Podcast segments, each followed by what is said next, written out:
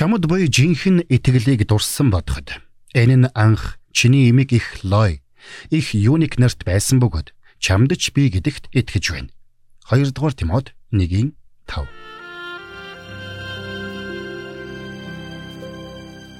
Мэргэний сонсог мэдлэгэд хэлэг. Ухаалаг нь мэрэгэн өдрөмжийг мөн авах. Доктор Харалт цаалогийн мэрэгэн зөвлөмж нэвтрүүлэг.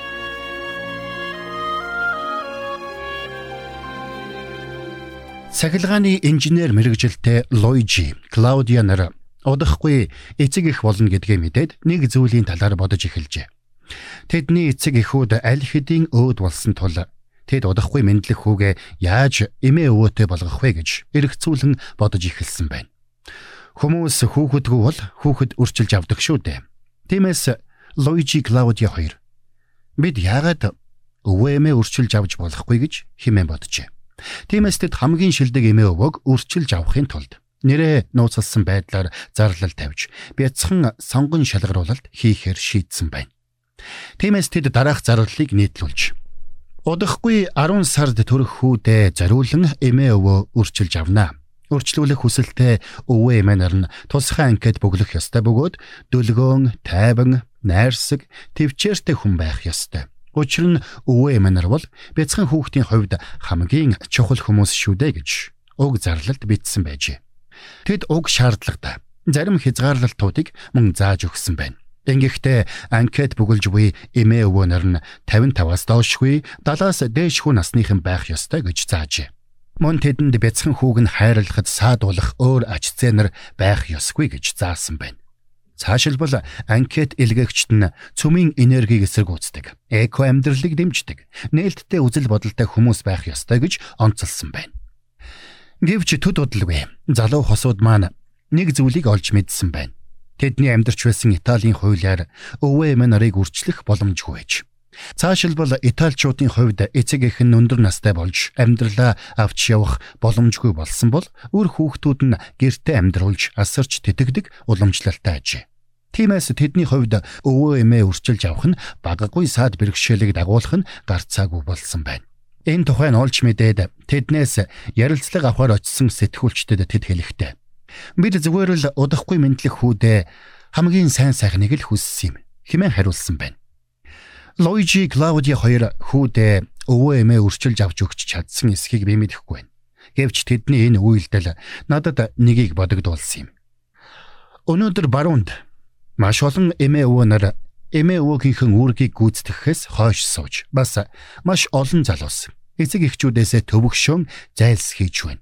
Үүний үр дүнд маш олон хүүхэд хамт тоглож, ойгоор зугаалж, инээж баясах эмээ өвөөгүй өсөж байна.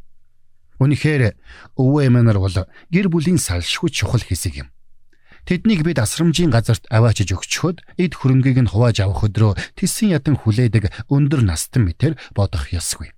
Үнэн дээр бурханлаг эмээ өвөө нар ач зэ нарынхан амьдралд хэрхэн гайхамшигтайгаар нөлөөлж болохыг та бодоорой. Паул Тимотед бичсэн хоёр дахь загтла Тимотийн эмээгийн талаар тусгайлан дурдсан байдаг.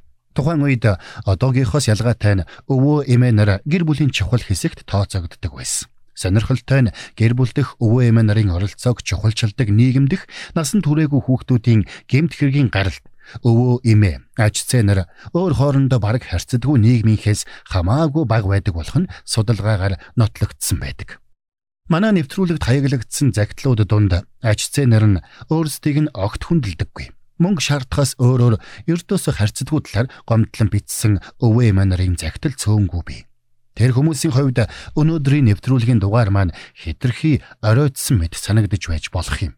Гэхдээ хараахан өвөө эмээ болж амжаагүй байгаа тэр хүмүүст өнөөдрийн дугаар маань нэгийг бодогдуулсан гэдэгт би итгэлтэй байна. Миний хувьд бурханлаг эмээ өвөөгийн нөлөөнд ор хүүхэд нас минь өнгөрсөн учраас би маш их хацтай хүн.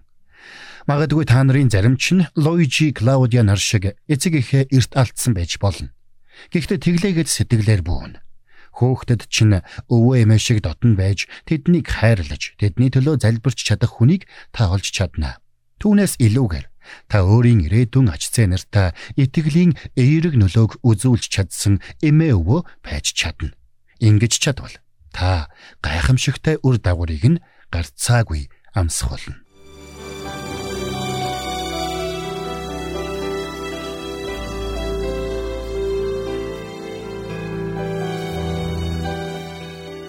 Мэргэн нэгнийг дагуул мэргэн мулгуутай нөхөрлөл хорлол Доктор Харалт цайлигийн мэрэгэн зөвлөмж нэвтрүүлэг танд хүрлээ.